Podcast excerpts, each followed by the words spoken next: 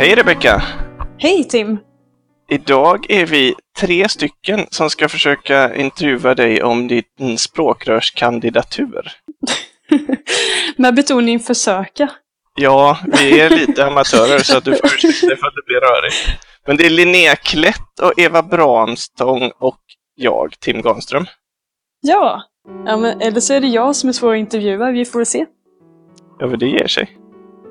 Varifrån kommer ditt eh, ovanliga efternamn? Ja, det, det skulle jag ju veta förstås. Alltså jag vet ju att det är ett vallonnamn och att det är från min fars sida. Men eh, sen har inte jag gjort så mycket ansträngning för släktforskning. men jag, som jag förstått det så ursprungar det från Belgien. Men det är inte så att jag pratar franska eller känner mig som att jag är fransk eller belgisk eller något sånt. Men du har ett internationellt eh, engagemang i miljörörelsen va? Ja, det kan man väl säga. Absolut. Jag har ju faktiskt fått en hel del insikt i hur olika frågor hänger ihop tack vare att jag envisades med att åka till Indien och Kambodja och, och göra mina examensarbeten där. Så att därifrån har jag ju med mig kollegor, eller man ska säga, i kampen för biologisk mångfald och natur. Och eh, sen när jag har varit mycket aktiv som aktivist, eller man ska säga miljöaktivist i Jordens vänner, har ju ett internationellt och europeiskt nätverk som jag har varit med i. Och skogsfrågorna som jag brinner mycket för och jobbat mycket med. Där gäller det att samarbeta med andra länder. Mm. Apropå det så eh, läste jag om att du satt med i ett eh, runda bordsamtal i Sveriges riksdag ganska nyss kring ekocid. Vill du berätta lite mer om det här ekocidarbetet och just den här sammankomsten? Mm, absolut. Ekocid, om man börjar med det så betyder det miljömord från genocide som är folkmord. Och det här handlar om eh, att försöka komplettera Romstadgan och föra in ekocid som det femte tillägget där. Och det är någonting som har varit på tal egentligen sedan 50 år tillbaks. När Olof Palme hade sitt inledningstal på Stockholmskonferensen så nämnde han detta.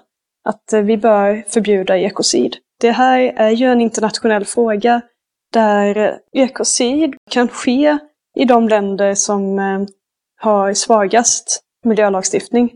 Och det gör ju att det råder ju någon typ av straffrihet då när företag kan hitta lättaste vägen att få ut naturresurser och kunna exploatera på helt fruktansvärda sätt.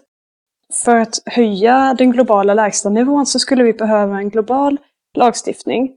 För att det skulle betyda att alla länder som är anslutna till Romstadgan, om det här skulle bli lag, som det femte tillägget i Romstadgan, då behöver länder förhålla sig till det. Och dessutom så skulle det bli kriminellt. Inte bara liksom böter och inte ett mål, utan det blir kriminellt att begå miljöbrott i den här stora skalan. Och man kan ställas inför domstolen i Haag, alltså brottmålsdomstolen. Precis som man nu behandlar folkmord till exempel, för att jämföra. Och det här gäller ju att jobba globalt med andra krafter i, eh, i världen. Och därför så har jag varit med och initierat ett eh, globalt nätverk för politiker och parlamentariker för att jobba med ekocidlagstiftningen. Mötet som jag anordnade, det var också tillsammans med ursprungsbefolkningar runt om i världen. För att de har ju förstått, de förstår ju fortfarande att det här är självklart och att vi måste anpassa våra lagar och system efter naturen. När de ger rekommendationer till oss då, så är ekocid, att lagstifta det, det är en väldigt lågt hängande frukt, eller man ska säga, det är en självklarhet att vi måste göra det. Det här är en eh, rörelse som drivs politiskt med miljörörelsen, från ursprungsbefolkningar och även trossamfund som håller på att eh, förstå att det här är viktigt. Vi har katolska kyrkan och påven Franciscus som har uttalat sitt stöd för detta. Så det här är en väldigt, väldigt spännande och snabbt växande rörelse. Och det var det som det här mötet i riksdagen handlade om. Det var ett väldigt känslosamt möte också, ska jag säga. Väldigt ärligt. För att där, där fanns då representanter från ursprungsbefolkningar som berättade att eh, det här sättet som eh, katolska kyrkan har fått med sig grundsynen att det är den kristna vita mannen som kan komma till eh, Amerika då och eh, ta över. Och har personerna där inte korset så får man ta deras land och deras liv. Det var fantastiskt eh, hoppfullt att läsa. Jag blev alldeles varm i hjärtat faktiskt. Eh. det var det verkligen och att då katolska kyrkan, där var biskopen eh, Arborelius, han var på plats. Och vi hade faktiskt bjudit in påven Franciscus också att delta på länk. Eh, lite chansning, men eh, han var faktiskt intresserad och tackade och eh, bad biskopen att kontakta och rapportera direkt till honom efteråt. Så de jobbar verkligen med detta. Han fick ju frågan, hur, kan ni, hur svarar ni mot detta? Den här skadan som har skett och eh, det här tankesättet som har smittat av sig på lagar och som dominerar än idag. Och då svarade han väldigt ärligt att det finns inget annat att göra än att bara gråta. För man kan inte säga förlåt för en sån här handling, eh, en sån här historia. Och det förväntades inte att någon skulle säga att ja men nu har vi avhandlat det och nu går vi vidare, utan det här är en jättestor process. Men du menar att vi verkligen kan lyckas genomföra det här nu, trots att det har, eller initierades redan för 50 år sedan? Ja, det, det tror jag verkligen, för att eh, förut så rådde det någon slags vetoprocess, eller får man säga, processen var så att länder kunde lägga in sitt veto mot att man kompletterade med ett femte brott. Och då kan man tänka sig att eh, företag som är väldigt mycket emot och som skulle kunna förlora på detta kan lobba väldigt riktat tillsammans med stater. Men eh, nu gäller det två tredjedelars majoritet utav alla länder som är anslutna till Romstadgan behöver ställa sig bakom förslaget och sen blir det en global lag. Så ingen kan lägga in sitt veto. Och många nationer som är små önationer, de är ju för detta. För de ser ju att klimatkrisen riskerar att eh, ödelägga liksom hela deras nationer eller stora landområden. För det som också är fantastiskt med det här femte tillägget är att den här storskaliga miljöskadan behöver inte vara med flit, utan det kan ju vara också att ta hand om effekter och följder av klimatkrisen. Att då eh, gemensamt med krafter vara med och lösa detta. Hur ser ditt miljöengagemang utanför eh, arbetet i Miljöpartiet? jag vet inte riktigt. Jag tror att mycket av allt arbete flyter ihop lite grann. Jag har nog ett, jag har så himla lyxigt arbete så att jag känner att jag jobbar och sen så gör jag det jag brinner för och så, så har jag svårt att skilja på de sakerna. Men det är ju min riksdagsplats. Vi kanske ska fråga vad du gjorde innan du blev heltidsengagerad i Miljöpartiet? Ja, innan jag kom in i riksdagen så jobbade jag som eh, biologkonsult. Jag eh, jobbade också med någonting som heter Naturcentrum i Linköping. Och eh, det var ett fantastiskt arbete, för där kunde jag skapa ett mötesrum för olika ideella organisationer som jobbade med natur och miljö och djurorganisationer. Eh, så de kunde ha en mötesplats. Så där anordnades föreläsningar och träffar och studiecirklar. Och det var mitt eh, jobb tidigare.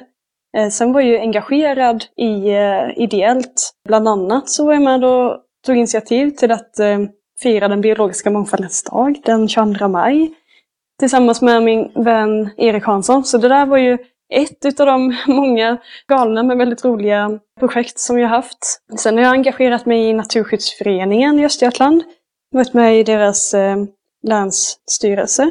Skydda skogen som är en nationell organisation för skogsskydd och eh, hållbart skogsbruk. Där var jag med i deras styrelse.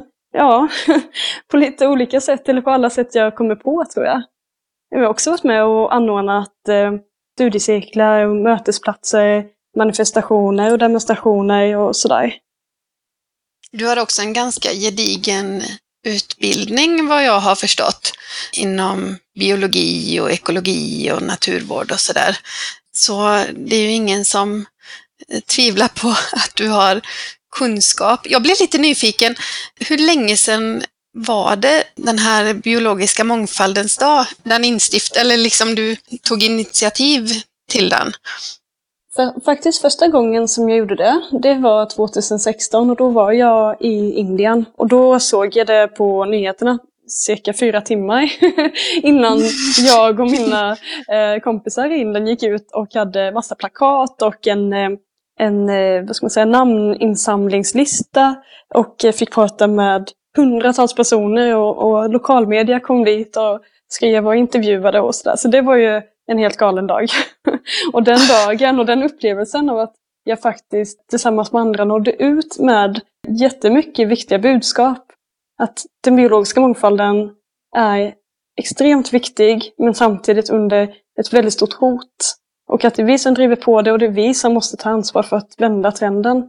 Det budskapet fick jag för första gången en känsla av att jag lyckades eh, förmedla. Och eh, när jag kom hem till Sverige så var det då 2017. Då ringde jag, eller skrev till Erik Hansson.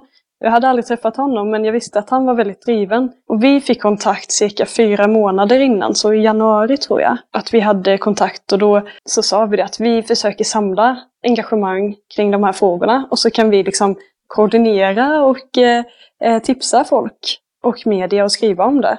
Och sen då 22 maj, då var det 70 aktiviteter i hela Sverige. Och det här var ju ideella krafter som committade och gjorde olika saker. Jätteinspirerande. Det var allt ifrån att ta ut barn på fjärilsvandring och eh, till en eh, artbingo. Att man ska få, ja, man gör en bingobricka och så ska man försöka få eh, kanske fem i rad. Eller något sådär. Och det var, ja, det var fotoutställningar och allt möjligt. Och det var bland det häftigaste jag varit med om. Då körde vi en gång till, nästa år, 2018. Då var det, jag tror 160 arrangemang runt om i Sverige.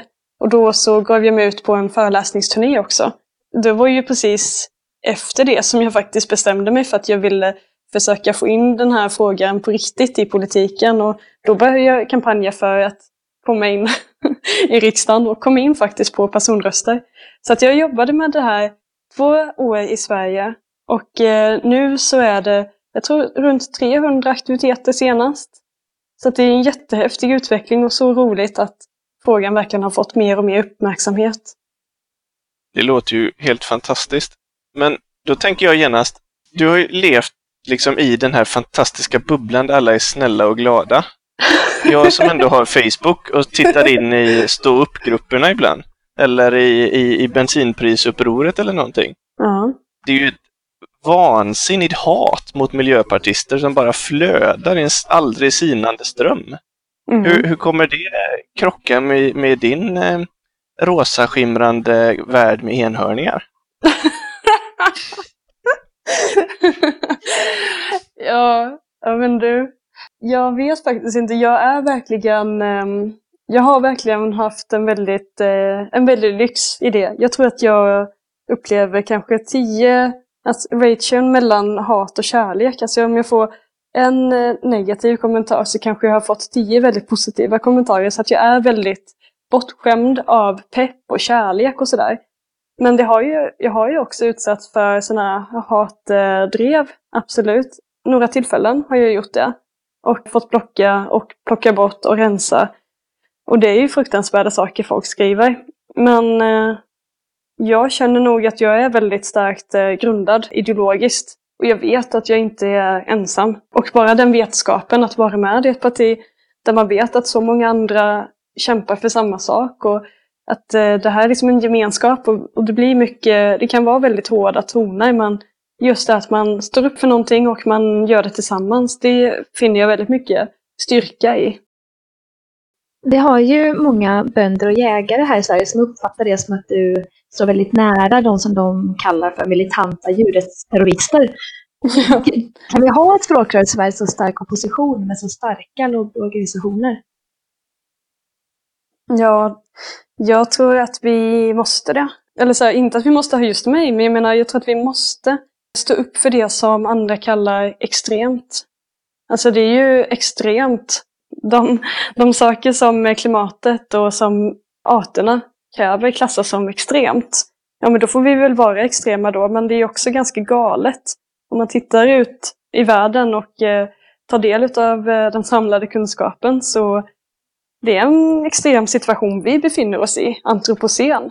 Så att eh, det, det, det får väl vara så, och det är stora ekonomiska intressen som vi stöter oss med.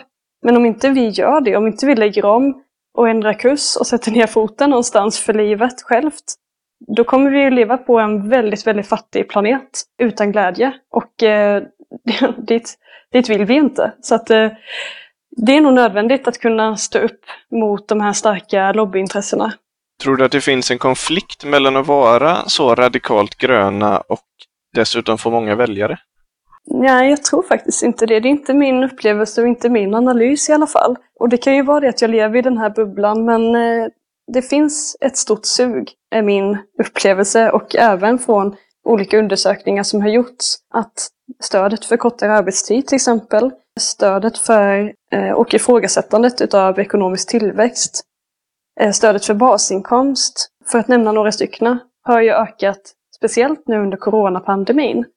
Och eh, samtidigt så har ju Greta Thunberg med hennes starka röst för klimat och miljö gjort att många kanske känner att det ändå är nödvändigt med stora förändringar. Jag tror att många däremot är trötta på partiledardebatter där när partiledarna får frågan om vad vi måste göra som eh, förändrar vår livsstil. Att när man liksom nonchalerar den frågan och säger nej, nej, nej, vi ska inte förändras och det är någon annan som ska göra det. När till och med Jonas Sjöstedt säger att det är de, de rikaste som ska ta den här bördan. Då tror jag att många känner att det här är fejk. Och att politiker inte tar situationen på allvar. Vi vet ju att vi tillhör globalt sett den här rikaste procenten. Som inte vi i Sverige gör stora förändringar. Vem ska då göra det? Och för det andra då så tror jag att vi inte ska tänka så väldigt mycket på opinionssiffror på det sättet, utan vi står där vi står. Och vi jobbar för det som vi jobbar. Och, eh, och det ska vi göra utan att egentligen titta efter så mycket vilken belöning det ger oss. För vi måste göra det inte för opinionssiffrorna utan för att vi måste, för att vi vet att det är rätt och vi är övertygade om det. Vilka är dina djupaste grundvärderingar? Vad är det du står? Oj, vilken spännande fråga!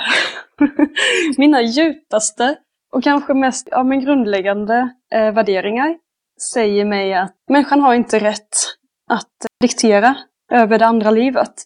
Att det icke-mänskliga livet har ett värde i sig. Och det är en stor anledning varför jag är just miljöpartist. Våra grundsolidariteter sträcker sig över alla arter och även in i framtiden. Och där tror jag att hade vi kunnat gå ut och kampanjat och berättat det för människor och väljare att vi tycker att alla arter har rätt att få finnas för sin egen skull. Och sen hur det står i kontrast mot de andra partierna. Andra partier ser inte att det icke-mänskliga livet har rätt att få finnas för sin egen skull, utan allt liv ska få finnas för våran skull.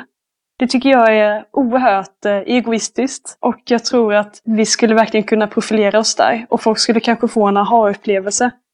Då kan inte Centern komma undan på mm, vad de menar med sin gröna liksom, tillväxt och hur, hur skogen är värdefull för dem på ett visst sätt, alltså kubikmeter och hur eh, hur vad ska jag säga, landsbygden med sina, sin produktion, animalieproduktion, att naturen och djuren blir ekonomiska enheter. Vi kommer inte hamna där med den grundinställningen.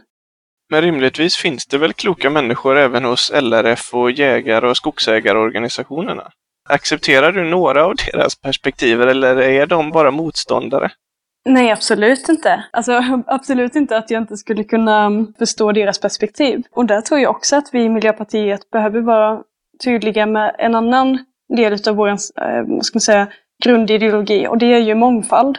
Mångfald inom alla olika områden. Biologisk mångfald, eh, men också den kulturella mångfalden och inte minst den ekonomiska mångfalden. Och ofta när man hör olika ekonomiska argument som eh, talar emot biologisk mångfald och arters egenvärde, då handlar inte det om eh, lönsamhet för den enskilda. Utan det handlar om en eh, profitmaximering för stora industrier. Om man tar skogsbruk som ett exempel. Det som vi kallar det, eller inte vi, men som kallas för rationellt storskaligt skogsbruk är ju det här väldigt ensidiga skogsbruket där man gör stora plantager och sen så låter man de här trädplantagerna stå i kanske 60-80 år någonting. Och sen tar man ner rubbet och så fortsätter man så. Det är en ekonomi som inte är så himla säker, för vi har ju ingen aning om hur, hur marknaden ser ut om cirka 60 till 80 år. Och eh, från dess att vi har avverkat, då följer utgifter där vi måste plantera, vi måste köpa in plantor som ofta är genmodifierade kloner och vi har ingen aning om exakt varifrån de kommer eller vad de innebär. Och sen måste vi plantera det och sen måste vi röja och vi ska gallra och efter det så får vi avverka och då kommer en vinst. Hur som helst, den här ekonomiska modellen gynnar inte dig som har en liten skog. Utan där är det hyggesfria skogsbruket mycket bättre och mycket säkrare. För att då kan du plocka ut de träden som är mest värdefulla på marknaden här och nu. Och du kan samtidigt ha kvar skogen för andra ändamål. Har du tur kanske du kan ha turism eller du kan samarbeta med någon annan som använder sig av turism. Du kan arrendera eh, marken. Och du kan inte minst eh, njuta av den och ha rekreation och plocka svamp och bär och allt vad man gör i en skog samtidigt. Så här gäller det ju för oss att visa att vi står för lönsamheten för den enskilda, men vi vänder oss emot det storskaliga, som egentligen bara innebär vinstmaximering för industrin. När vi ändå pratar om lite ekonomiska frågor, så vad skulle du säga är eh, mest utmärkande för, en, för ett grönt ekonomiskt system? Det är ju lite svårt kanske för att vi, alltså vi måste bygga upp det tillsammans. Så vi kanske inte har någon färdig eh, modell att titta på. Men det finns en, eh, ett ord som jag gillar och det, det är livgivande ekonomi. Jag har precis läst eh, Birger Schlaugs bok där han pratar mycket om den döda ekonomin som är liksom siffror och produkter som inte har liv i sig. Och den ökar på bekostning av, eh, bekostnad av den levande ekonomin som handlar om naturen och eh, ekosystemen. Så som det har sett ut nu så, så kan den döda ekonomin bara matas på av den levande ekonomin. Och eh, samtidigt så får vi den här artkrisen och klimatkrisen. Vad vi skulle behöva är att ha ett ekonomiskt system på plats som ger tillbaks mer än vad det tar.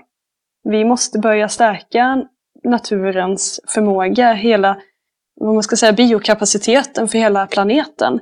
Om man tittar på Johan Rockströms eh, planetära gränser så ser vi att vi måste jobba för att flytta tillbaks positionerna så att vi hamnar inom eh, safe zone. Och det kommer inte hända av sig självt och det kommer inte hända bara av att vi ska bli klimatneutrala eller att vi ska skydda naturreservat, utan vi måste börja binda in koldioxid mer än vad vi släpper ut. Vi måste börja göra naturen mer vild och mer naturlig igen. Och eh, det här måste integreras så att ekonomin hela tiden jobbar för de här målen. Regenerativt skogs och jordbruk är sådana exempel. Jag tänker mycket på Kate Roberts Donut-ekonomi, där de här planetära gränserna får vara de yttre gränserna och de inre gränserna är så sociala värden då som måste respekteras. Och inom den här munken som hon målar upp då, det är där vi kan ha en eh, livgivande ekonomi. Tror du att omställningen innebär att eh, tillväxten kommer att avta eller till och med backa? Och eh, eh hur tycker du att vi ska hantera de skatteintäkter och konsumtionsutrymmet som i så fall kommer minska?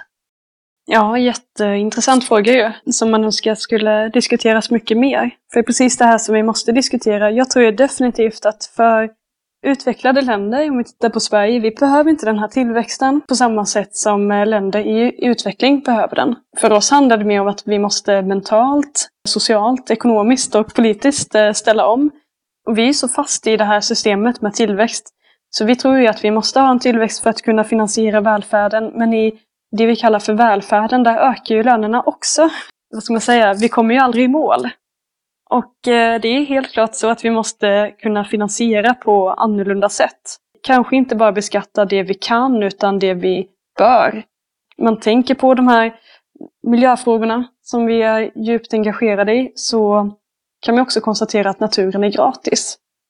Det är väldigt märkvärdigt egentligen att vi, eh, vi plockar liksom gratis från det här paradiset och sen så beskattar vi arbetet vi lägger ner på det. Och samtidigt så blir vi mer, de här maskinerna som sköter mycket av den här extraktionen blir effektivare och effektivare. Så att någonstans så måste vi tänka om helt och hållet. Ja, det här kanske låter lite flummigt, men ett, ett sånt så här tankeexperiment. Om man tänker på naturen, som naturen och alla dess eh, delar, det är där arbetet sker. Till exempel en eh, biodlare som har bin. Då är det ju de här arbetarbina som gör själva arbetet. Och sen så gör ju vi människor, vi gör en del saker som bina inte kan göra. Om vi tänker oss att det är bina som anställer då människor för en adminpost. Och så vill de gärna hålla nere den kostnaden så mycket som möjligt. Så de anställer oss människor för att kanske samla in en del av honungen och lägga i burkar och administrera ekonomi som de inte kan göra. Men vinsten vill de ändå ha. Och den här vinsten skulle man då kunna fundera över flera varv vad man skulle vilja göra. Vad ska naturen göra med vinsten? Är man väldigt givmild så skulle den kunna gå tillbaka till en basinkomst. Och så skulle man kunna tänka om flera olika system, till exempel skogar som eh, ger tillbaks till lokalsamhället på det här sättet. Det finns ett sådant exempel i Tyskland som heter Terra Zero som gör just detta. Där skulle man kanske kunna se på samma sätt när det kommer till gruvbrytningen. Jag vill minnas att du någon gång har sagt att gruvskatten på 0,2 procent är ett skämt. Ja. Hur, hur ser du på gruvbrytningen i stort? Dåligt skämt. Det är ingen vacker historia, de här stora gruvorna och dagbrotten. Jag tycker definitivt att vi måste ta mycket, mycket bättre vara på det som finns i omlopp redan. Men tänker man att världen och planeten är oändlig, precis som tillväxten ska vara, då tror man ju att det går att anlägga fler och fler gruvor och man kanske inte ser dem. Och industrin och eh, alla produkter, alla företag som står för de här produkterna, de vill ju, de vill ju gärna rikta våran blick någon helt annanstans. Kanske till eh, telefonen och eh, få det bli en fråga om, ja, om du är emot de här gruvorna, då är det ändå ditt fel som konsument för att det var du som köpte den här telefonen eller ja, vad det nu kan vara. Men eh, i grund och botten så, så kan vi inte egentligen behandla planeten på det här sättet. Jag tycker, eller så här, vi har ju redan gjort sådana övertramp på planeten att vi skulle behöva ge så mycket mer tillbaks. Och det skulle nog också innebära att vi inte kan räkna med eh, nya modeller och en ökad eh, materiell eh, levnadsstandard för varje år. Hur ser du på konflikten mellan vindkraften och vattenkraften å ena sidan och den orörda naturen på den andra sidan? All typ av energi har ju påverkan. Alltså både vindkraften och vattenkraften påverkar naturen också. Jag tänker att mycket av den vattenkraft som vi har, det finns ju några få, om man säger så här, en procent utav alla kraftverk producerar runt eller 10 procenten utav de största producerar runt 90 procent utav energin.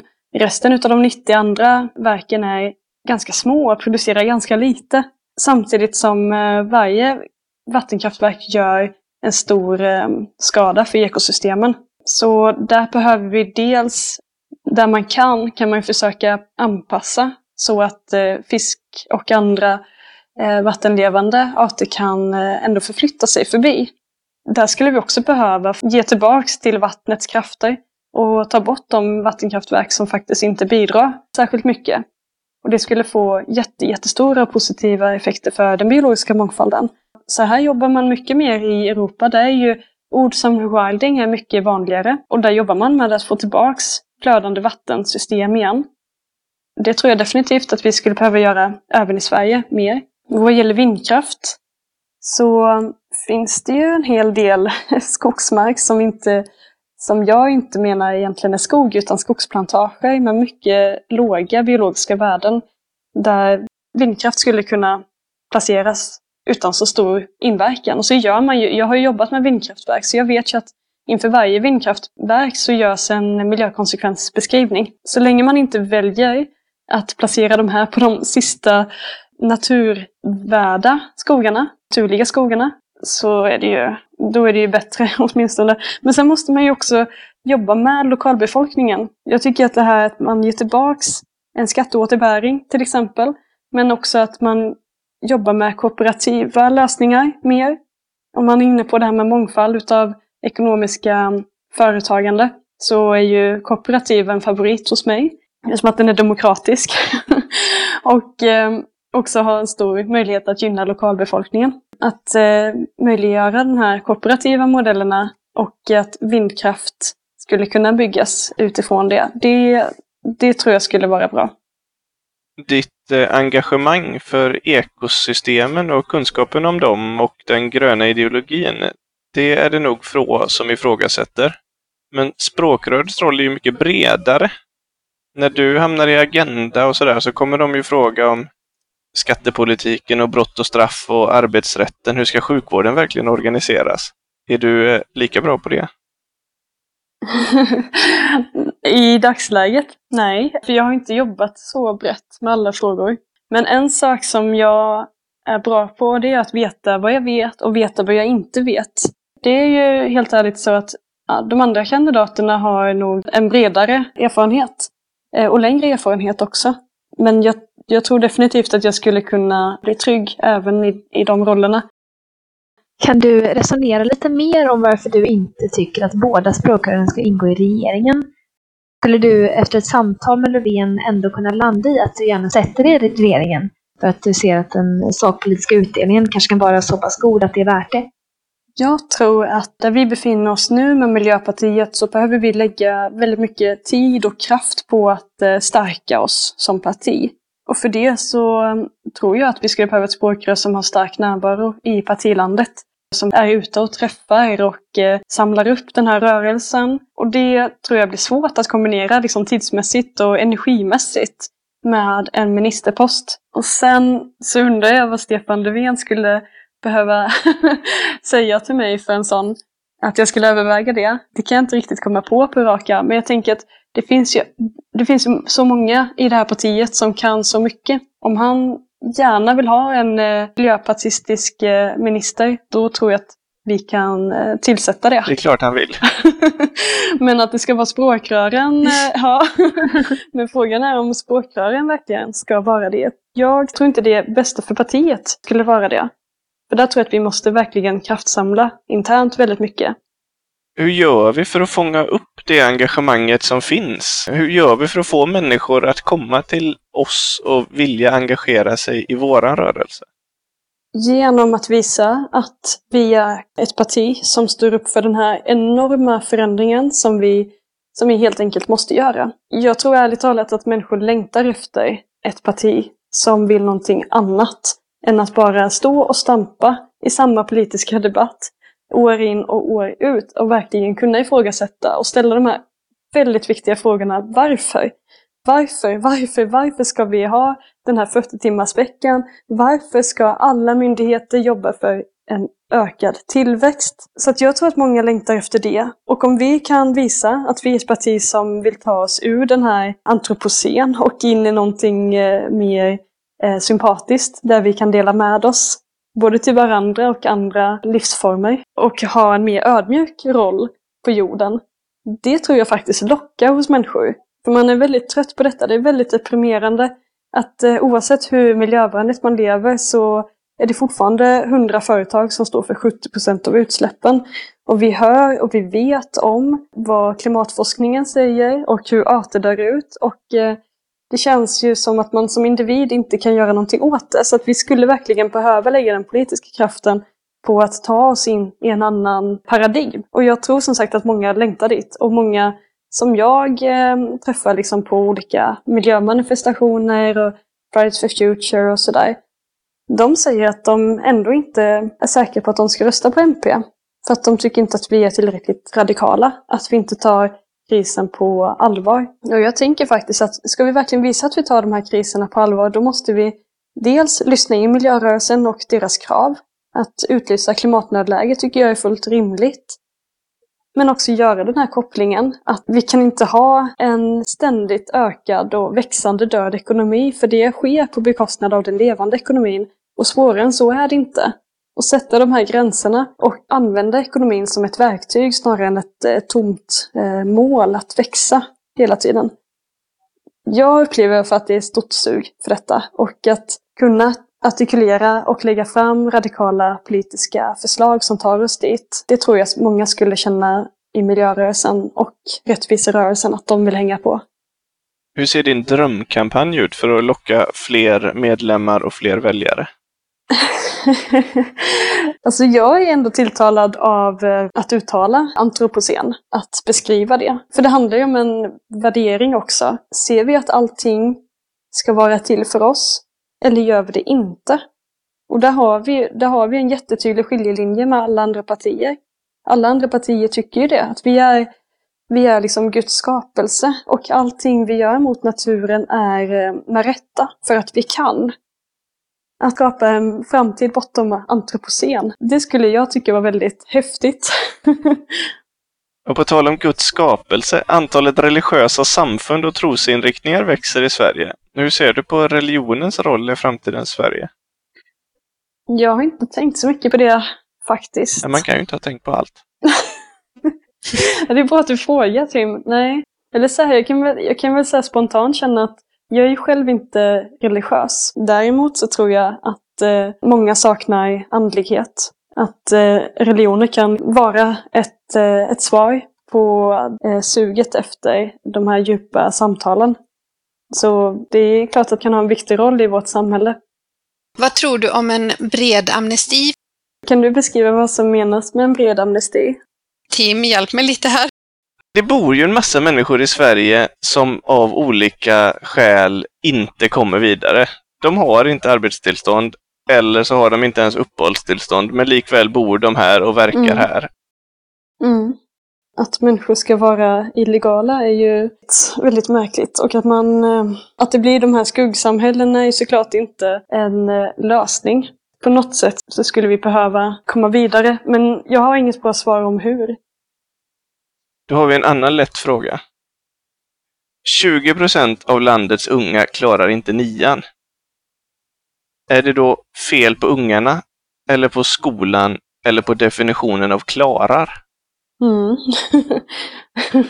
Eller på samhället och på världen. ja, alltså jag, jag är svårt att tänka mig att det är fel på individer. Om man börjar tänka så, då är vi nog ganska farligt ute. För samhället ska ju byggas för individer. Om man, om man tappar det perspektivet och försöker pressa in individer i ett fyrkantigt system där det bara liksom gör skada, då har vi kommit bort från syftet. Vad jag menar med om det är fel på samhället, jag tror att psykisk ohälsa till exempel är ett jätteviktigt och stort problem. Och frågan är varför folk blir utbrända i låg ålder och eh, har svårt att klara skolgången. Och det, där tror jag att man kan komma in också ganska filosofiskt och djupt om framtidstro och klimatångest och att man inte känner sig tillräcklig och att eh, takten och hastigheten och stressen är väldigt hög. Förväntningarna är också väldigt höga alla ska lyckas bli någonting och gärna så snabbt som möjligt. De här normerna som styr oss om karriär och att all press som finns, som vi matas med, det tror jag definitivt bidrar till en psykisk ohälsa. Ja, skolsystemen och eh, om det är skolan det är fel på eller betygssättningen. Var det det du frågade Tim? Ja, jag vet inte riktigt vad jag frågar, men någonting är ju problematiskt i samhället när 20 procent går ut skolan utan att ha klarat sig. Mm, mm. Att bygga bra skolor och kunna erbjuda utbildning för alla barn och unga, det är ju det, är det som är framtidens eh, samhälle. Om vi inte kan eh, komma till rätta med de problemen så har vi ju missat den här generationen.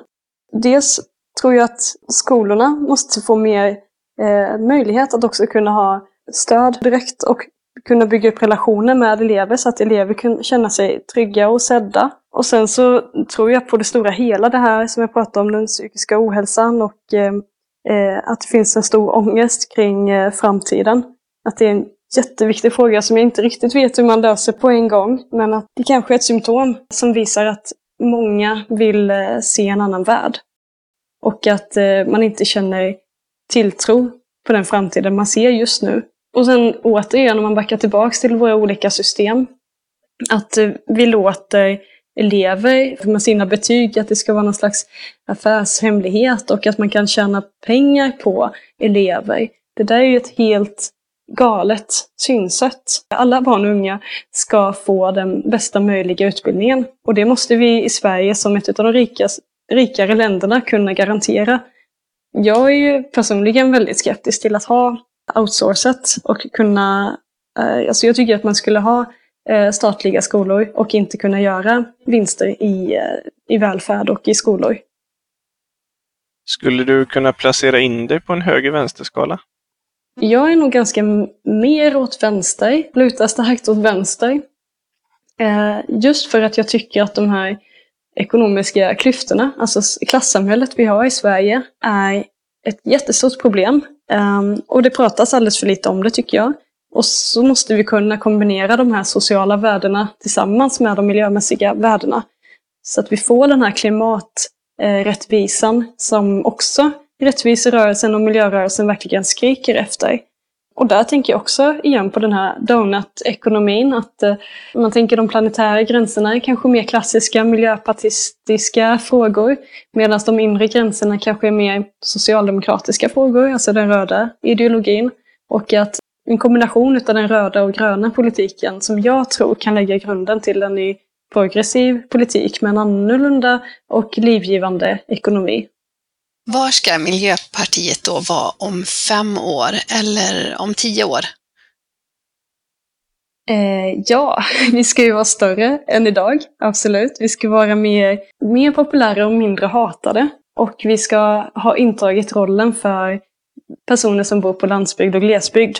Det tycker jag är drömmen. Det kan ju vara målsättningen för tio år, för det kommer nog ta lite längre tid. och vi ska kunna verkligen alliera oss med de som eh, som bor och verkar på, um, på landsbygden. Och hela tiden visa att det finns en konflikt mellan individens lönsamhet och industrins vinstmaximering. Och eh, där står ju Centern väldigt mycket på de stora industriernas sida, medan vi står på individens sida. Och det hoppas jag att vi kan visa tydligt. Kommer du som språkrör att eh, ha tid att läsa och diskutera på Engagera och eh, alla våra andra möjliga plattformar? Ska jag vara ärlig så tycker jag att engagera har varit svårt för mig bara som riksdagsledamot att, eh, att hålla efter och finnas närvarande i. Jag ska väl egentligen inte skylla ifrån mig men jag tycker ändå att det har varit svårt för att jag blir hela tiden utloggad och behöver försöka logga in på massa olika sätt. Så rent tekniskt så tycker jag att det har varit en liten tröskel för mig i alla fall att vara närvarande där. Så jag har haft mycket mer närvarande på eh, Facebook till exempel och Eh, miljöpartister i Sverige, den här gruppen och eh, alltid uppmanat mina partivänner ute i landet att eh, kontakta mig, ringa mig och skriva till mig på Messenger. Så där har jag alltid prioriterat att svara och så. Just själva kontakten är ju jätteviktig och jag vill ju att vårt språkrör ska prioritera det. Så självklart skulle jag göra det själv om jag nu skulle bli vald som språkrör. Men om du blir språkrör och vi får 20 procent av väljarna, vad gör du då första dagen som statsminister? ja, men då, Tim, då ska vi ju deklarera att Sverige tar initiativ till att komplettera Romstadgan med eh. För då har vi faktiskt eh, makten och det mandatet att vi kan göra det. Och sen är det väl bara att börja jobba. Vi behöver jobba så mycket globalt global koldioxidskatt till exempel och försöka på alla sätt vi kan få den här principen om donutekonomin att lagstifta de här principerna. Jag skulle nog engagera mig väldigt mycket i globala frågor för att försöka höja miniminivån globalt sett. Söka samarbete och allierade på den globala politiska arenan också. Tror du att vi som parti kan dra nytta av ditt internationella engagemang redan innan du blir statsminister? Ja, absolut. Eh, såklart, som jag nämnde förut, varit med nu och eh, initierat en global parlamentarikernätverk för ekocid. Och sen är ju frågan hur man kan involvera fler. Och jag är en sån som gärna eh, drar in folk i olika sammanhang och eh, sprider kontakter och sätter folk i, i kontakt med varandra så fort det finns eh, möjlighet och skäl. Liksom. Så att det gäller ju att vi är generösa i den här gemensamma uppbyggandet utav grön politik. Så att ja, jag jobbar ju så mycket internationellt jag kan och eh, har nog inte liksom, jag vet inte riktigt vad nästa steg är förrän jag har tagit det. Du sa eh, det här med att du drar in folk i rörelsen och sådär. Vi undrar, hur gör du för att de som kommer med engagemang till oss eh, ska fortsätta brinna och få stöd och utrymme för det som de brinner för? Mm. Eh, det där, jag tror, eller så här, jag brukar alltid säga när jag är ute och föreläser och träffar folk att det mest långsiktiga eller hållbara är att engagera sig för det en själv tror och brinner för. Det som man själv känner att det här är mitt kall eller mm. det här är min grej och det här är min egenskap. Att, att liksom bejaka det och utveckla det. Snarare än att eh, vara kanske mer plikttrogen och eh, kanske sätta sig på en post där man inte känner det här engagemanget. För då går man på det inre liksom, engagemanget. Då har man en låga, man har en glöd och man kommer alltid kunna lägga lite extra. Men eh, kör man ett mer liksom, pliktskyldigt eh, eh, spår, då kommer man göra det för laget. Eh, man kommer göra det för att man borde. Och det kommer att ta en, en, en bit. Men det kanske blir så att det känns mer som ett jobb än ett kall. Och, ehm, och då tror jag att man inte orkar lika länge och inte lika starkt. Så att eh, det bästa är ju att försöka hitta sin unika skärpunkt mellan det man tycker är väldigt frustrerande och det man älskar. Eh, och i mitt fall är det väldigt frustrerande att se till exempel eh, skogs lagarna, hur fruktansvärda de är och hur de inte skyddar skogen. Samtidigt som det skär i min eh, kärlek för naturen och skogen. Så där, där har jag ju liksom börjat att, utveckla mitt politiska engagemang. Och gör man så att man låter alla göra det de tycker är roligt och det de är bra på, då får vi också en mångfald utav olika styrkor. Vilket jag tror är jättebra. Vi behöver dra in personer som är kreativa, som eh, kan jobba med kultur eller kommunikation och som har helt olika bakgrunder. Och helt enkelt bara bejaka och hitta synergieffekter i det. Du är ju ganska ung och har ett jättestort engagemang på många fronter. Orkar du eh, vara språkrör så länge som krävs för att bli riktigt bra på det? ja, eh, det beror på hur, eh, hur länge och vad som menas med riktigt bra. Men alltså, ja, jag är ju i precis den här skärpunkten som jag nyss beskrev. Jag tycker att det är det roligaste som finns och det är liksom det lyxigaste jag skulle kunna tänka mig från livet är att vara där jag är nu.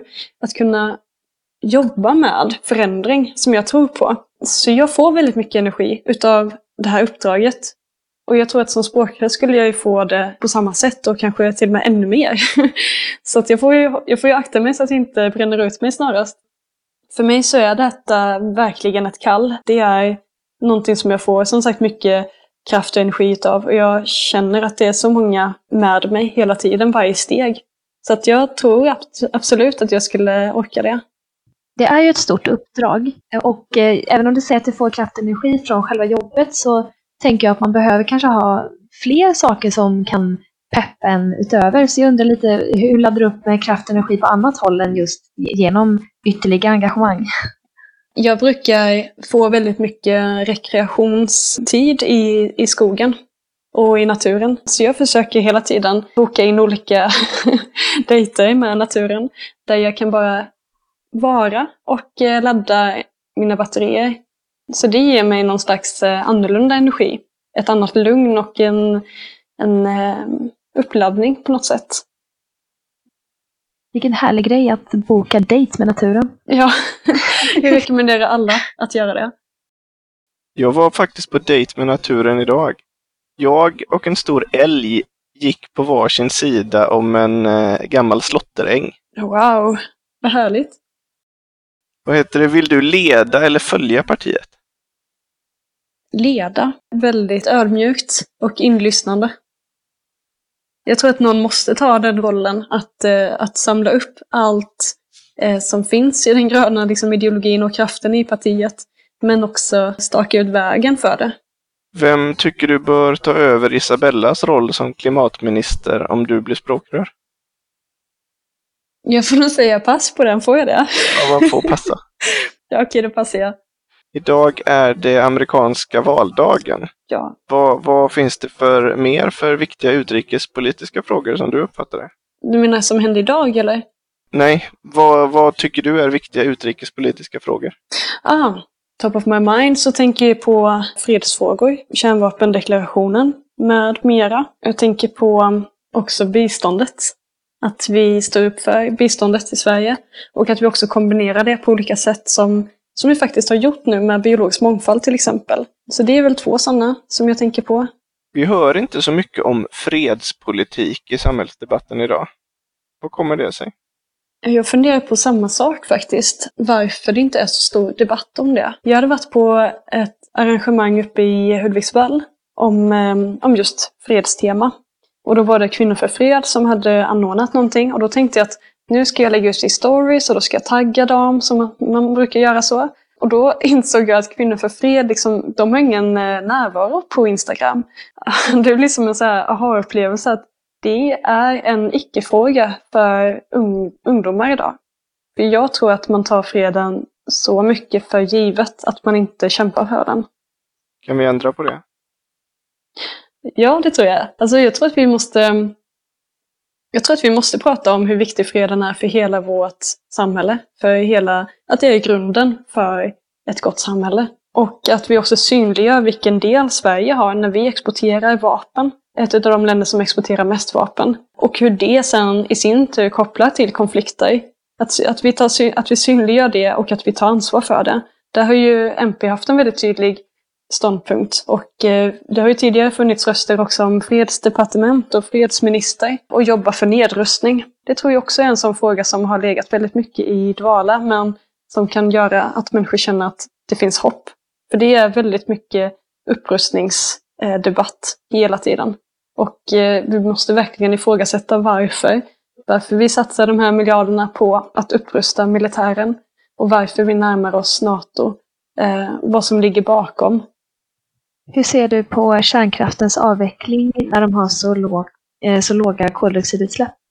Ja, det kan vara väldigt, eh, tror jag, frestande om man tittar på koldioxid, alltså ton koldioxid och eh, räknar på det, att inte avveckla kärnkraften. Men där måste vi ju ner på djupare värderingsfrågor som handlar om, vill vi skjuta detta på framtiden? Och inte bara liksom nästa generation, utan jag vet inte hur många generationer som vi inte har ett svar på detta. Och vi kan ju bara föreställa oss om någon för hundratusen år sedan försökte lämna ett meddelande till oss, hur, hur det skulle ens eh, se ut och skulle vi kunna ta till oss det? Jag vet inte. Det här är ju verkligen i solidaritet med kommande generationer som eh, den här frågan är viktig. Plus att jag tänker att vi har fortfarande inte löst de här frågorna om hur vi kan leva Eh, med hög livskvalitet inom planetens gränser. Vi har inte lyckats med det i Sverige än idag. Som sagt, vi lever som om vi hade fyra planeter. Det här är ju någonting som knappt några länder har lyckats med. Ursprungsbefolkningar kanske har lyckats bättre faktiskt än vad vi har i många, ja, i de här anseendena. Så att skjuta på problemet och inte avveckla kärnkraftverken, det är bara att eh, fösa det framför sig och eh, det löser inte grundproblemen. För annars tror man ju kanske att ny teknik kommer, vi ska bara mm, vänta lite till och eh, det här snacket om ny teknik, eh, det är inte så att jag är teknikfientlig men vi kan inte lura oss själva längre om att det är den nya tekniken som kommer lösa någonting utan det är ju som, sagt, som sagt hela systemen, de ekonomiska systemen som kräver tillväxt. Och då handlar det inte om lönsamhet och det handlar inte om kapitalism eller det handlar inte om någonting annat utan det handlar om att vi ska öka någonting mer och mer och snabbare och snabbare för varje tidsenhet. Och det är, helt, eh, det är en bisarr tanke. och eh, om vi inte kommer till bukt med det så kommer det inte, alltså, då kommer inget att lösa sig med ny teknik. Hur ser du på konflikten mellan biobränslen och den biologiska mångfalden? Jag ser ju att det finns en eh, konflikt och jag tycker det är viktigt att man skiljer på eh, biobränslen som är kort cykel, alltså som kan tänka sig årsgrödor och biogas, medan de eh, biobränslen som, som kommer från skog till exempel, som kan ta 70, 80, 100 år innan de kompenseras för. För den tiden har vi inte. Igen, tar vi klimatkrisen på allvar så vet vi att vi har 10, 15, 20 år på oss att totalt ändra riktning. Då kan vi inte avverka till exempel skogar nu, idag, och tro att det är tillräckligt att de här kompenseras för sig om eh, 80 år eller 100 år. Då tar vi det verkligen inte på allvar. Eh, plus att det också innebär en konflikt med biologisk mångfald, för det handlar om markanvändning. Det handlar om vad vi gör av ytan. Och eh, att använda skog till biobränsle tycker jag på, på alla sätt är en dålig idé. Då kan man visst, visst man kan prata om restprodukter. Men det är väldigt lite. Och eh, så länge vi är ärliga med det, att det här är en väldigt begränsad insats från den skogliga markytan, eh, så visst, absolut. Men vi kan inte vi kan inte öka vår avverkning, varken i Sverige eller någon annanstans, och tro att vi kan eh, använda det till bränsle. Vad kan du göra för att öka förtroendet för politiken generellt och minska polariseringen i samhället? Oh, det är en stor uppgift. ja, eh, jag tror att det, det finns ju definitivt så mycket fördomar kring politiker. Till exempel att alla får betalt, bara det. Att de flesta sitter och arbetar som, som ni gör nu, antar jag, ideellt. För att man brinner för någonting. Och att det här är ett riktigt engagemang som ligger bakom, om att man vill förändra och förbättra världen. Och det tycker jag egentligen är väldigt fint och respektingivande. Men att berätta om det och att det inte handlar om karriär och det handlar inte om pengar, det skulle behöva göras mycket mer. Att minska polariseringen. Säg det. Jag tror mycket på samtal och jag är ändå så att jag tror på människans eh, godhet någonstans. Jag tror att om människor känner sig delaktiga och att de är en del utav någonting, att de kan ge sin åsikt och att den tas hand om, så gör det stor skillnad. Jag tycker också att medborgarråd är ett sådant förslag som jag har lagt i riksdagen om att inrätta. Och då låter man eh, slumpvis valda, liksom, utvalda medborgare diskutera olika sakfrågor för att sedan hamna i starka rekommendationer till politiker. Det tycker jag skulle vara jättebra om man kunde göra med svåra frågor i Sverige också. Det har man gjort i Frankrike till exempel. Och då landade man faktiskt i ekocidlagstiftning och det är därför president Macron faktiskt har uttalat sig väldigt positivt till en ekocidlagstiftning nu. Så det där är ju häftigt. Och sen tror jag att vi behöver jobba mycket för att hela tiden upprätthålla och stärka demokratin. Att vi inte ska ta den heller för givet. Jag tänker att i den här digitala världen som vi lever i just nu, där har vi också en möjlighet att använda de digitala verktygen till demokrati det här språkrörsvalet som vi också snuddar vid ibland. Det hade varit möjligt om det inte vore för att vi hade stadgarna som sa emot då. Att faktiskt ha en eh, medlemsomröstning och en direktdemokrati där i det här interna valet. Eftersom att eh, nu handlar det inte om att vi inte kan ta oss till platsen och vi inte får plats eller det är för dyrt, utan alla skulle kunna få en länk och sen rösta. Och det gäller egentligen inte bara just nu att börja tänka på detta, att man kan faktiskt delta i demokratin digitalt också. Ja, men det här kommer jag in på för att jag tänker det är så viktigt att människor känner sig involverade och att man kan påverka. Hur formar man de där medborgarråden? Det finns massor med olika förslag och modeller, men det är viktigt att de är, representerar hela befolkningen så att de ska vara slumpvis utvalda. Eh, så det ska inte vara som eh, om man ser på klimatriksdagen. Det är ju personer som kommer och och samlas och samtalar olika klimatförslag. Men de är ju väldigt intresserade och eh, dragna till detta själva. Så att, eh, frågan är om de då representerar hela befolkningen. Det gör de nog inte. Medan ett eh, medborgarråd, där ska man försöka verkligen få samla in ett snitt av befolkningen. Så de blir slumpvis valda. Och eh, de kommer till eh, olika träffar och diskuterar på djupet olika förslag. Så jag tror att när man lade i eh, Frankrike så hade man en fråga om hur man får till den här rättvisa klimatomställningen. Och sådana specifika frågor skulle man kunna ha som utgångspunkt. Och sen blir det en stark rekommendation till politiker. Och då är det också viktigt att det inte nonchaleras utav politiker, för det kan ju, eh, det kan ju spä på ett eh, politikerförakt. Att folket säger sitt men, eh, men eh, sen lyssnar man inte på det. Det kan ju verkligen göra att människor känner att de har kastat bort sin tid. Bör vi bedriva politik för att förbereda oss på en eh, flera grader varmare värld?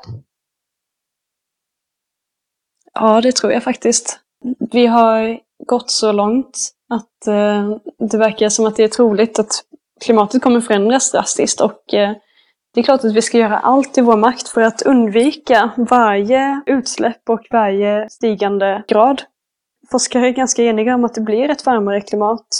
Och då är frågan hur, eh, hur vi ser till att vi har livsmedelsförsörjning, att vi har städer som inte översvämmas och att vi har en infrastruktur som inte kollapsar. Tror du att vi kommer klara en och en halv graders målet? Jag är nog eh, tveksam. Jag är kanske lite mer pessimistisk än hoppfull faktiskt. Eller realistisk. Ja, kanske. På tal om realistisk, du har ju mycket nya och fräscha idéer och starka åsikter. Men hur hanterar du den potentiella konflikten mellan att vara språkrör för det som partiet har bestämt, eller det som vi har kompromissat med andra partier, och det som eh, du tycker? Mm. Om jag skulle bli språkrör för Miljöpartiet så är det ju partiets och kongressens åsikter som blir det mest heliga för mig att eh, företräda. Som person så kommer jag ju på vissa frågor kanske inte alltid hålla med eller kanske någonstans eh, vilja gå längre. Men är jag språkrör så är jag språkrör främst. Och sen har jag ju såklart förståelse och insikt i hur det funkar med kompromisser. Och att sitta i regering med Socialdemokraterna som riksdagens minsta parti. Så jag förstår ju att eh, kompromisser måste göras. Men samtidigt som man berättar om de här kompromisserna så kan man nog kombinera det med vad partiet vill på lång sikt, om vi hade fått bestämma. Utan att det blir en eh, totalsågning utav de här resultaten som man har fått. Kan du säga någon laddad politisk fråga där du har ändrat uppfattning eller där du själv börjar bli tveksam till din eh, övertygelse? Jag kommer inte på någon nu på rak arm. Jag ska säga till om jag kommer på den då. Ja, absolut. Jag funderar lite. Eller, jag tänker på aktiv dödshjälp faktiskt. Där jag förut inte har varit för, men eh, nu är jag faktiskt det. Efter att jag förlorat min egen far. Och eh, i den processen så omvärderade jag väldigt mycket synen på vård och på, på aktiv dödshjälp. Så att där, nu är jag för aktiv dödshjälp faktiskt. Skulle du säga att du övertygar människor med hjälp av fakta, logik eller känslor? Jag tror nog att jag försöker ofta kombinera de här sakerna. Jag tror att vi måste, det är det jag tänker med det värderingsmässiga, är väldigt, väldigt kraftfullt. För att där behöver man inte ha eh, sakkunskap. Alltså, om man pratar med barn så har barn ändå vissa värderingar som är väldigt eh, viktiga och, och uttalade. Även om de kanske inte har sakkunskap. De tycker att en del saker är rätt och en del saker är fel. Och så bör vi ju tänka liksom att vi ska sänka trösklarna för politiken. Och vi ska kunna kommunicera på ett sätt som eh, gör att de alla kan känna sig inkluderade. Så att, att prata med grundvärderingar som utgångspunkt och sen komma in på fakta som dessutom stödjer det, det tror jag är kraftfullt. Du pratade förut om att eh, Miljöpartiet om tio år skulle kunna vara det självklara partiet på landsbygden. Mm. Hur kommer det sig att idag så är det verkligen inte så? Jag vet faktiskt inte exakt vilken, eh, vad det är som har gjort och vad det är som har lett oss hit. Men kanske grundar sig en del på de här ekonomiska argumenten som finns. Att man inte har liksom brutit ner dem ordentligt, att man inte har tagit sig an de här komplexa frågorna. Och eh, skilja på kanske den här centralistiska ekonomin, där mycket liksom faktiskt gynnar få företag och eh, skatteintäkter faktiskt inte stannar kvar i landsbygden. När man inte pratar om de här värderingarna som vi har, att vi tycker att skogen har ett värde för sig självt. Om inte den rösten finns och är tydlig från oss, då vinner ju Centern på att de är där ute och tittar på skogarna, men det enda de ser är kubikmeter som ska bli till eh, massaved. Då pratar de om att de vill gynna de här gröna näringarna. Finns inte våran röst där som säger någonting annat eller som ser en skog för alla träden, då vinner ju de de rösterna väldigt enkelt. Så jag tror att vi måste våga vara där ute och ta de här konflikterna och visa var skiljelinjen går. Men sen tänker jag också att det kan vara ganska svårt och tufft att göra det. Till exempel rovdjursfrågorna är en sån sak där vi står upp för vargen och för lodjuren och så vidare. Det blir ju lätt då att eh, få en stämpel på sig som en slags fiende. Jag tror att om vi kan visa att vi förstår landsbygdens perspektiv och den enskilda markägaren eller fårbondens perspektiv att vi vill att staten ska ta ett ansvar för att eh, nå upp till miljömålen och eh, hitta ekonomiska incitament och försöka helt enkelt lyfta bördan från den enskilda. Då tror jag att vi kan nå fram mycket bättre. Jag tror att vi måste göra det, för annars kommer, annars kommer det här marknadsliberala tänket som eh, Centern är helt inne på, då kommer det att dominera. Och det tycker jag är sorgligt, för det kommer avfolka landsbygden totalt. Eller ja, totalt, men väldigt mycket. För det kommer inte finnas eh, utrymme för lokala näringar på samma sätt. Hur stärker vi kontakten och relationen mellan Miljöpartiet i riksdag och regering och den breda gröna miljörörelsen? Ja, där tror jag att vi helt enkelt måste mm, mötas. Många känner sig nog väldigt trötta på möten och att man ser inte att svaren ligger i möten och mötesplatser. Men jag tror att det finns en väldig, en väldig kraft i att träffas och prata och lyssna och byta tankar. Jag tror att det är där det händer. Eh, om jag ska vara helt ärlig så, så tror jag det. Och eh, det finns inga genvägar i att bygga en relation, utan det börjar med ett samtal och det börjar med ett möte. Så att, att helt enkelt vara närvarande är viktigt. Att våga vara närvarande och lyssna, kunna ta kritik och kanske inte bara ställa sig i försvarsposition och eh, känna att man inte orkar, utan att se att miljörörelsen har den här rollen och vi har den här rollen. Och de i, som jobbar i miljöorganisationer behöver ligga på alla partier. Och om vi inte tar den här rekommendationen eller kraven från miljörörelsen, då, då kan man inte riktigt säga att vi är miljörörelsens parlamentariska gren. Vilket jag hela tiden tycker att vi måste vara och eh, måste se som den självklara förlängningen. Att vara närvarande, ta till sig kraven och eh, göra om dem till politiska skarpa förslag. Det tror jag är viktigt för hela rörelsen. Hur går integrationen till i ett grönt Sverige? I ett grönt Sverige så tänker jag igen på mångfalden. Att vi inte har segregation, att vi inte delar upp människor beroende på klass eller kultur eller bakgrund eller utbildning eller något sånt, utan att vi lever blandat. Och jag tänker också att eh, man introduceras till Sverige och eh, en väldigt viktig mötesplats är faktiskt naturen och eh, landsbygden. Att kunna odla till exempel, att kunna lära sig om allemansrätten och bli introducerad till Sveriges natur som är fantastisk, tillgänglig och inte farlig. Men också att man har ett ansvar för att plocka undan efter sig, att se till att eh, naturen ser ut som innan man kom dit. Sådana här enkla saker tror jag är viktiga att få in tidigt, tidigt stadie när människor kommer till Sverige. Och jag tror utifrån min eh, tidigare arbetsplats, när jag jobbade med en eh, språkträdgård, att det är ett fantastiskt faktiskt mötesplats i naturen att eh, kunna träffa nya, och, alltså nya svenskar och svenskar som har bott länge i landet på ett ganska spontant och avslappnat sätt i naturen.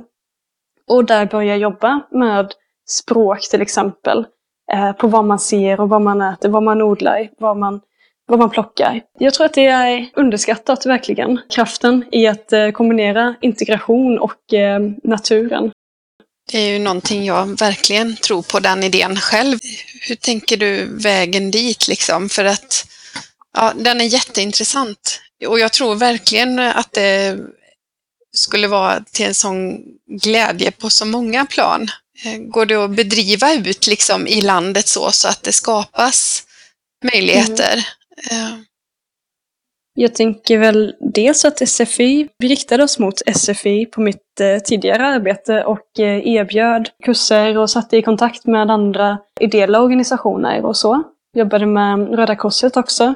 Så det är ju viktigt kanske om man, om man kan skapa möjligheter för ideella krafter att kombineras på ett sånt här vackert sätt. Ideella krafter som verkar för integration med ideella krafter som verkar för naturupplevelser och kanske från eh, politiskt håll ger mötes, eh, vad ska man säga, ger en infrastruktur, ett upplägg eller ett koncept för detta.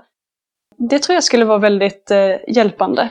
De kanske, hittas, de kanske hittar varandra ändå, men vill man knuffa på i den här riktningen så skulle en sån här naturintegrationssatsning eller som koncept kanske kunna göra en, en stor skillnad. Och sen tänker jag också på alla hur viktigt det är att komma i arbete fort och eh, lära känna olika kollegor. Kan man, kan man också få nyanlända i Sverige att kunna jobba med det regenerativa skogs och jordbruket så skulle det nog vara fantastiskt bra. För många har ju också en erfarenhet av eh, att till exempel odla. Du pratade förut om att man kanske skulle ha medlemsval till språkrören.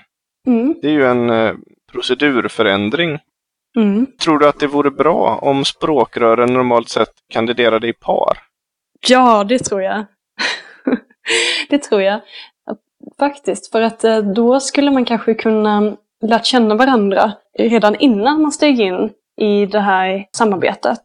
Och att man i så fall redan vet vad man har varandra och hur man funkar tillsammans och vad man driver, hur man kompletterar varandra. Det tror jag skulle vara jättebra faktiskt. För, både för de som ska vara språkrör men också för hela partiet. För då, har man, då vet man att de här personerna funkar redan och de, hur de funkar med varandra. Så det, det tror jag finns jättemycket fördelar med. Vilka historiska språkrör känner du att du har mest gemensamt med? Den här frågan såg jag faktiskt kom in på Engagera också. Ja, vi har försökt ta så mycket frågor vi kan från Engagera för att få med så mycket som möjligt. Ah, jag känner ju faktiskt igen många av dem. Det för, förklarar jag. Jag känner ju inte så många av våra språkrör, uh, men jag skulle kanske säga Birger Schlaug rent ideologimässigt eller så. Ja, ni står nog väldigt nära tror jag. Hur kompletterar du och Per varandra som språkrör? Han har ju en eh, erfarenhet som jag inte har. Han har sin erfarenhet av ministerpost och eh, språkrör sedan tidigare. Vilket jag saknar då, men däremot så kommer jag kanske lite nyare in i politiken, vilket också kan ha en fördel. Då kanske jag med min frustration och eh, eh vilja att få allting gjort och förändrat här och nu, det kan, ju, det kan säkert vara ett bra komplement tror jag, att vi kan vara mot varandra. Sen tror jag också att vi tilltalar olika personer och grupper på olika sätt. Vilket också är bra för hela partiet. Att vi har lite olika sätt. Vilka MP-vinster är du mest stolt över? Jag tänker kanske spontant på Preem som en av de eh, färskaste vinsterna som vi har. Att vi tog det till regeringens bord. Att vi eh, drog ut på processen och eh, också skapade andra ekonomiska incitament. Att det har lett till att Preem Prim tog tillbaka sin ansökan. Ja, det, det är helt fantastiskt. Det hade varit väldigt svårt och deprimerande om Prim fick bygga ut. Och jag tycker också att det visar hur eh, bra det var att vi gick ut och eh, att Lorenz satte ner foten och sa att det här är en väldigt viktig fråga för regeringen jag gillar att vi jobbade så och eh, jag tycker att vi ska jobba mer så i framtiden också. Att vi visar att vi har sådana här smärtgränser. Oavsett liksom om vi vet utfallet eller inte. Hur tror du att det kommer sig att åtta kandidater har ställt upp i offentligheten? ja, jag vet inte riktigt. Ehm, men jag gillar det. jag gillar att vi är så många som bara ställer oss upp rakt upp och ner och säger att eh, vi är beredda att bli språkrör för Miljöpartiet. Det känns så härligt demokratiskt. och, eh, och inte sådär prestigehämmande som, eh, som det kanske skulle kunna vara annars. För nu får vi ju sju stycken personer som inte blir språkrör. Men so what liksom. Det är ju fantastiskt att visa på bredden här återigen. Att det, vi är det här partiet som, vi sticker ju ut i det här avseendet, verkligen. Att medlemmarna får fråga oss och lära känna oss och eh, undersöka vad eh, vi står för. Det tycker jag är helt fantastiskt. Men eh, osäker på just varför. varför just nu. Du pratar ibland om att ge tillbaks till naturen och att föra naturens talan. Är det ens möjligt? Mm, det är det. Och det är lite roligt att du ens ställer frågan. För det visar ju hur långt ifrån vi är den visionen. Att vi tror att det nästan inte ens eh, skulle vara möjligt.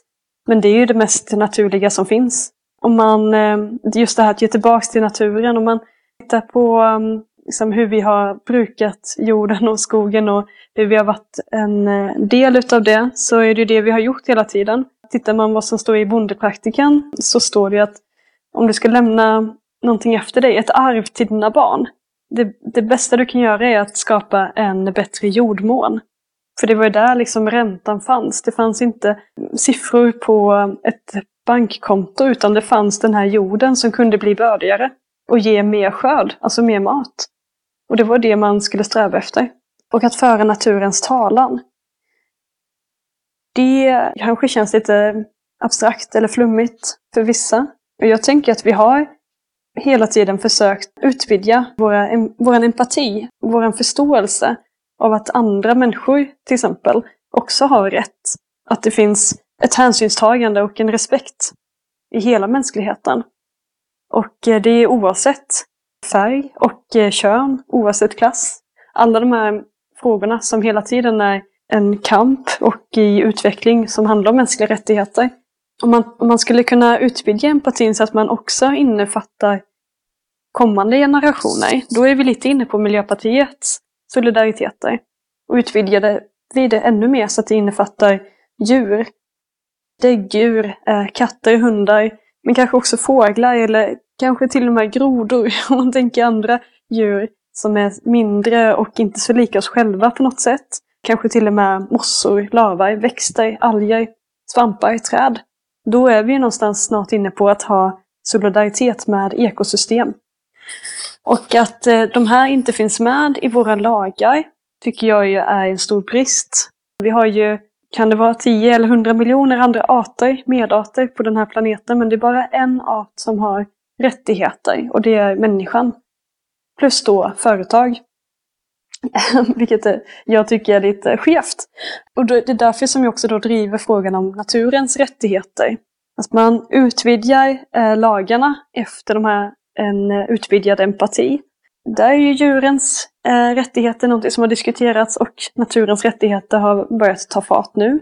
På samma sätt som företag inte är juridiska personer men har rättigheter som om de vore en juridisk person, så för vi på olika sätt företagens talan i eh, eh juridiken via ombudspersoner. Och det skulle vi faktiskt kunna göra med naturen också. En person som berättar om det bästa för dess klient. Eh, någon som kan vittna om vad som är bäst för till exempel Vättern som är ett sånt här, ja, som skulle kunna vara ett objekt för, eller subjekt i naturens rättigheter. Att vi helt enkelt använder vår fantasi, inlevelseförmåga, kreativitet och tänker oss in i vad som skulle vara bäst för naturens rätt att få finnas för sin egen skull. Jag tror inte alls att det är omöjligt eftersom att tre länder, Ecuador, Colombia och Bolivia har detta i sina grundlagar. Och eh, olika ekosystem får ett erkännande i juridiken som om det vore juridiska subjekt. Och det här är en jättesnabbt växande rörelse. Det bara rasslar in exempel eh, från hela världen med bergskedjor och eh, vattendrag, floder, sjöar, skogar som får de här natur, naturens rättigheter erkända.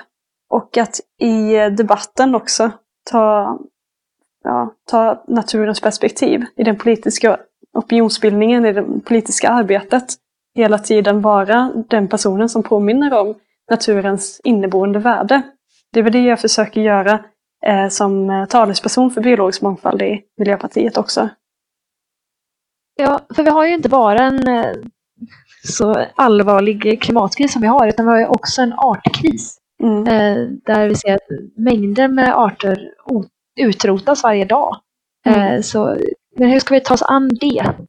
Alltså det som är positivt i allt det här mörka, det är ju livets vilja att leva. Och den är, det är nästan omöjligt att eh, förhindra liv att ta fart när det väl finns ett fäste. Och det är det som är hoppet någonstans, för mig åtminstone. Att ger vi bara naturen tid och rum och eh, inte ha någon slags avkastningskrav på skogarna som bara får bli 60 år, utan ger vi skogar och eh, floder och naturen tid och rum så kommer livet tillbaks. Ofta är det så. I vissa fall så behöver vi eh, hjälpande hand, alltså vi behöver kanske en upprätthåll hävd som det kallas, att vi slår ängar eller vi har betesmarker och, och sådana här saker. Vi kanske kan ta bort hinder om man pratar om eh, den här småskaliga vattenkraften eller dammar och sånt. Så visst, vi behöver kanske göra en del insatser. Men när vi har gjort det, om vi bestämmer oss och det finns en politisk vilja att låta livet komma tillbaks, då kommer livet komma tillbaks. I alla fall där det fortfarande finns eh, hopp. Däremot, de arter som redan är borta, de är, får vi ja, antagligen bara acceptera att det där är, det där är en synd eh, som vi får leva med. att vi var med och drev de här arterna till utrotning. I pandemin så blev äldreomsorgens brister tydliga. Jag förvånas ibland över att inte hela samhället har rest sig upp och mobiliserat och sagt att nu måste vi lösa det här. Vad tror du det beror på? Jag tror att det beror på komplexiteten. Och det är nog ett hinder för ganska mycket politiskt engagemang och eh, sådana här krav från samhället. Att man, man tror, man blir liksom bortdribblad i att Jo, men så var alliansregeringen gjorde de här reformerna och sen så kom Stefan Löfvens regering gjorde de här och bla bla bla. Och man har inte riktigt koll på vad som är region och vad som är Eh, nationellt och eh, det blir väldigt svårt. Man vet inte vem eller vart eller vilket krav exakt man ska ställa till slut. Och det kan också vara så att allting känns nästan omöjligt om man inrättar sig och man tänker okej, okay, men låt gå. Vi gör vårt bästa och jag tror att den här komplexiteten i samhället, byråkratin och alla svårigheter eh, att navigera gör också att folk känner sig hämmade att ställa krav och göra det här liksom, upproret, eller vad man ska säga. Vad gör du en vanlig dag som språkrör, tror du? en vanlig dag så jag antar att jag får inse att det blir nog många möten. Men det blir nog också mycket opinionsbildning i de här olika frågorna. Att eh, som sagt bygga upp peppen och eh, tagga till ordentligt inom partiet. Det blir mycket resande. Eh, jag hoppas att, att Corona kommer tillåta resande runt om i landet för att eh, lära känna hela partilandet. För att eh, tillsammans då leda partiet i den riktningen som jag finner stöd för i eh, partilandet och från kongressen. Det är lite svårt att försöka konkretisera. Hur gör du för att få fler medlemmar att bli delaktiga i politikutvecklingen? Kanske på samma sätt som jag, som jag redan försöker nu, det vill säga skjutsa in folk till deras hjärtefrågor hela tiden. Berätta för folk att vi har olika Eh, nätverk och att det finns olika sidoorganisationer. Vill man engagera sig på det sättet så är man hemskt välkommen. Vill man bara skriva rapporter om en viss sakfråga så kan man liksom möjliggöra det också. Så att människor som har de här olika kvaliteterna kan eh, få uttrycka dem och att det kommer till användning. Om det finns personer som är väldigt bra faktagranskare, om det finns personer som är väldigt bra på att kommunicera på sociala medier, så försöka skjutsa in dem till sin plats i partiet. Och det måste vi bygga upp en struktur för också på engagera, tänker jag. det finns så mycket att göra eh, och det finns väldigt stor potential att ta tillvara på alla medlemmars kunskap och engagemang. Hur tar vi mer plats i det digitala flödet? Idag är ju Sverigedemokraterna helt dominerande på Facebook.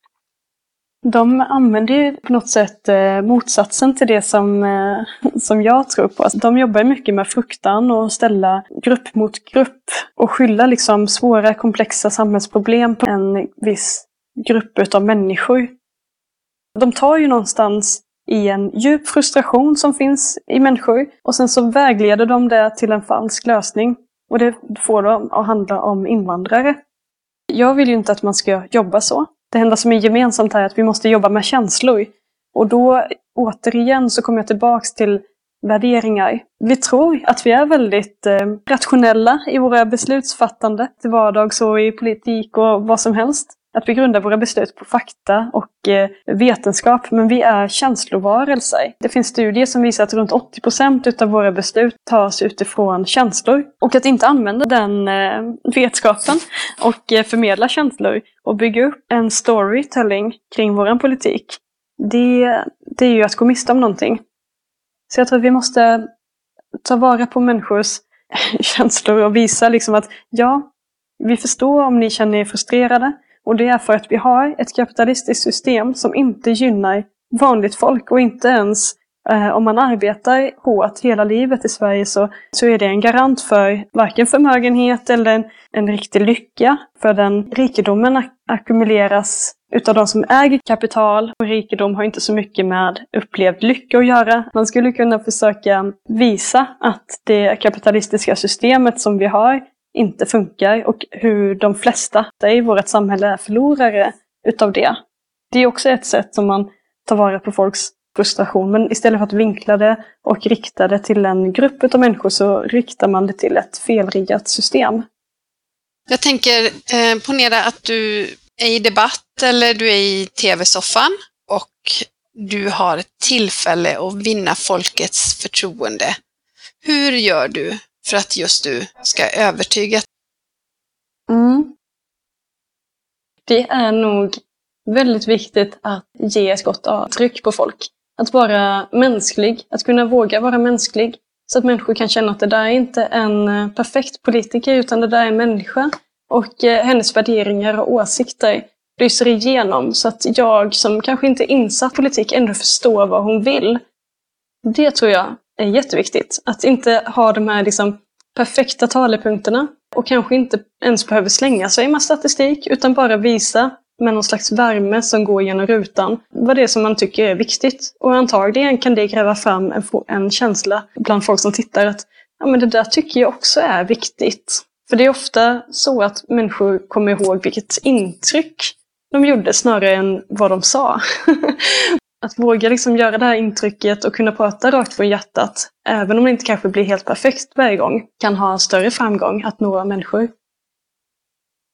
Feminism var en självklarhet för tio år sedan, men nu tycks det nästan snarare vara en måltavla och en belastning. Har eh, jämställdhet eh, blivit omodernt? Det verkar ju nästan så. Feministiskt initiativ hade en tid när, när Gudrun Schyman och eh, partiet verkligen gjorde frågan väldigt modern och eh, plötsligt så var liksom alla feminister och mycket medvetna om de maktstrukturer som vi har. Och idag så är de inte det. Jag vet inte riktigt varför det, varför det är så. Men jag tror att eh, vi i Miljöpartiet skulle verkligen behöva prata om ekofeminism. Det handlar egentligen om de här maktstrukturerna och eh, om vi tycker att det är okej okay att någon dominerar en annan på dess bekostnad. Antagligen så håller vi inte med om att det är okej. Okay. Och då tar man det här liksom perspektivet och breddar det så att det inte bara handlar om människor utan även hur vi beter oss mot djur och natur och det ekologiska systemet.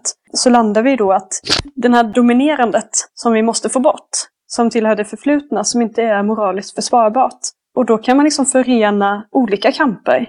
Både klasskamper, kampen mot rasism, kampen mot kvinnoförtryck, men också kampen för djur och natur. Att kombinera detta till en, då tror jag att det kan bli riktigt kraftfullt.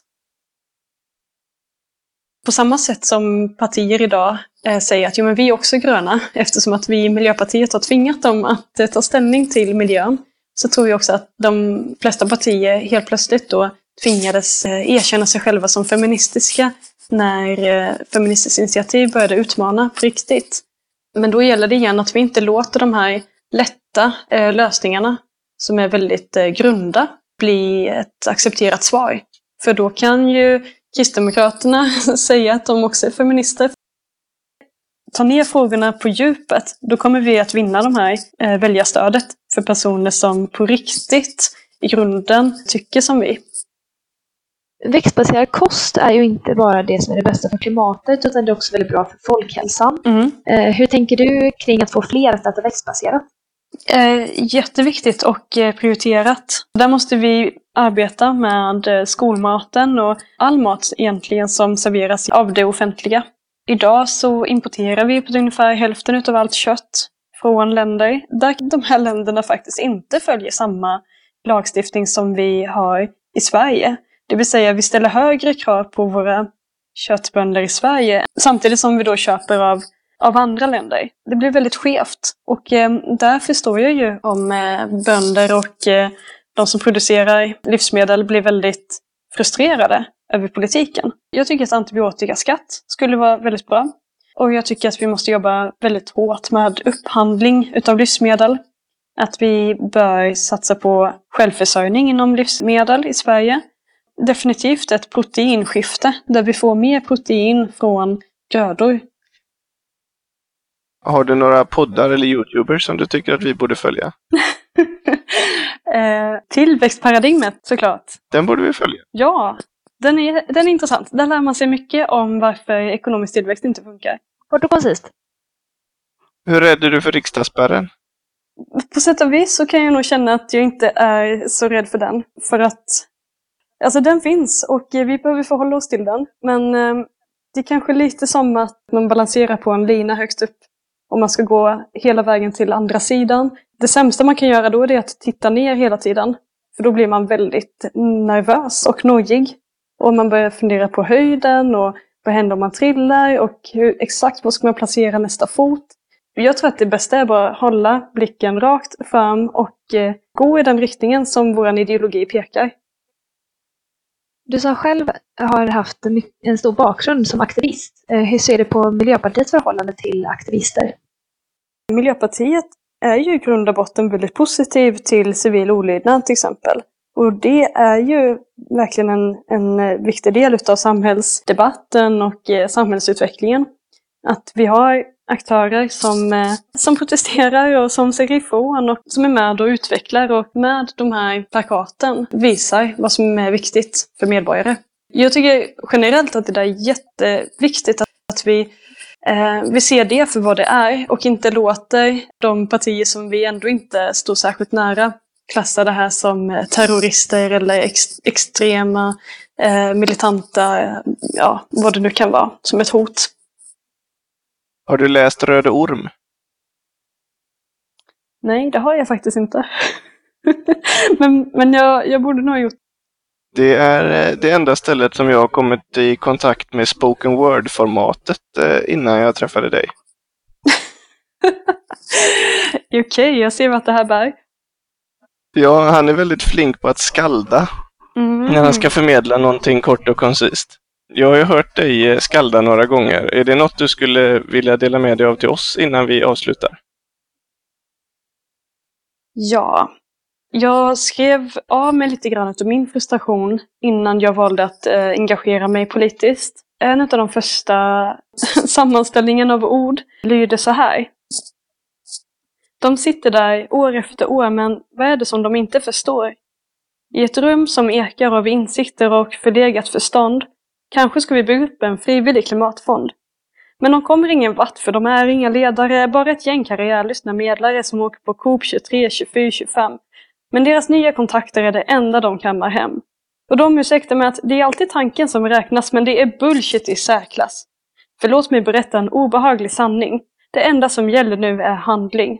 För med mer och mer ppm i vår atmosfär så måste vi börja leva som vi lär. Och de tror att situationen går att förvandla bara genom att fortsätta förhandla år efter år. Men snälla, ni måste väl förstå, det funkar inte så. Ni kan inte bara sitta och prata och prata, så förlåt att jag tjatar. Att vara miljöaktivist var kanske inte alltid det jag ville. Jag ville bara leva timme för timme, men det har blivit mitt ansvar som världsmedborgare att reagera när deras argument är inoljade. Så när de skriker efter tillväxt för att fortsätta växa, är det som att helt ignorera förra seklets läxa. Så jag säger som midnattsoljan, hur kan ni sova när våra sängar brinner? Men sen förstår jag, det går helt i deras linje. Våra planetära gränser hamnar i skuggan så fort guldet glänser. Och värst ut är den biologiska mångfalden som nu hotas av den envisa enfalden. Jag har då aldrig sett en art dö ut på riktigt. Därför kan biologisk mångfald inte vara så viktigt. Alltså sluta, give me a break, lägg av. Men de bryr sig varken om nona eller skägglav. Så de fortsätter att avverka skogen. Jag som trodde att tiden var mogen. Men när faktaresistensen genomsyrar samhället hade det varit så skönt att bara blunda istället för jag är så trött på skiten. Jag kan inte bara sitta tyst i publiken och lyssna på lobbyeliten. Kom on, vi vet att vi måste skydda våra hav och skogar. Men ändå så skålas det som vanligt på våra krogar. Skål! Nej, förlåt, jag vet, det är inte ert fel. Vi är bara en liten, liten del, ett uselt system, så jag frågar världens ledare. Elitspelare, vad har ni att säga till ert försvar?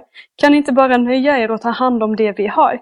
Men de vänder sig om och ignorerar, bara fortsätter att spela så jag får inte ens se hur de väger våra förnödenheter mot deras kommande förmögenheter. Jag bryr mig varken om guld eller diamanter, utan snarare om dess intressenter som vill ha avkastning på sin investering som tjänar på att dricka champagne med rätt ledning. Men Antarktis är skrotad och isbjörnen utrotad. Kommer de då att vakna till liv eller ska de stå kvar där vid sidan bredvid och låtsas som att det regnar och fortsätta tjäna sina värdelösa pengar, sina smutsiga miljarder? Eller kommer människan att göra bravader och inse att ödet ligger nu i våra händer och skapa en framtid där det verkligen vänder? En framtid där vi utgår från en begränsad planet, för det är så det är, så vitt jag vet. Det är dags att inse att det blir precis vad vi gör det till. Frågan är om vi vågar och om vi vill. Wow. Det behövs ju tydligt fler skalder i världen. Tack! Ja. En, eh, en dos frustration. Nedpräntad på papper.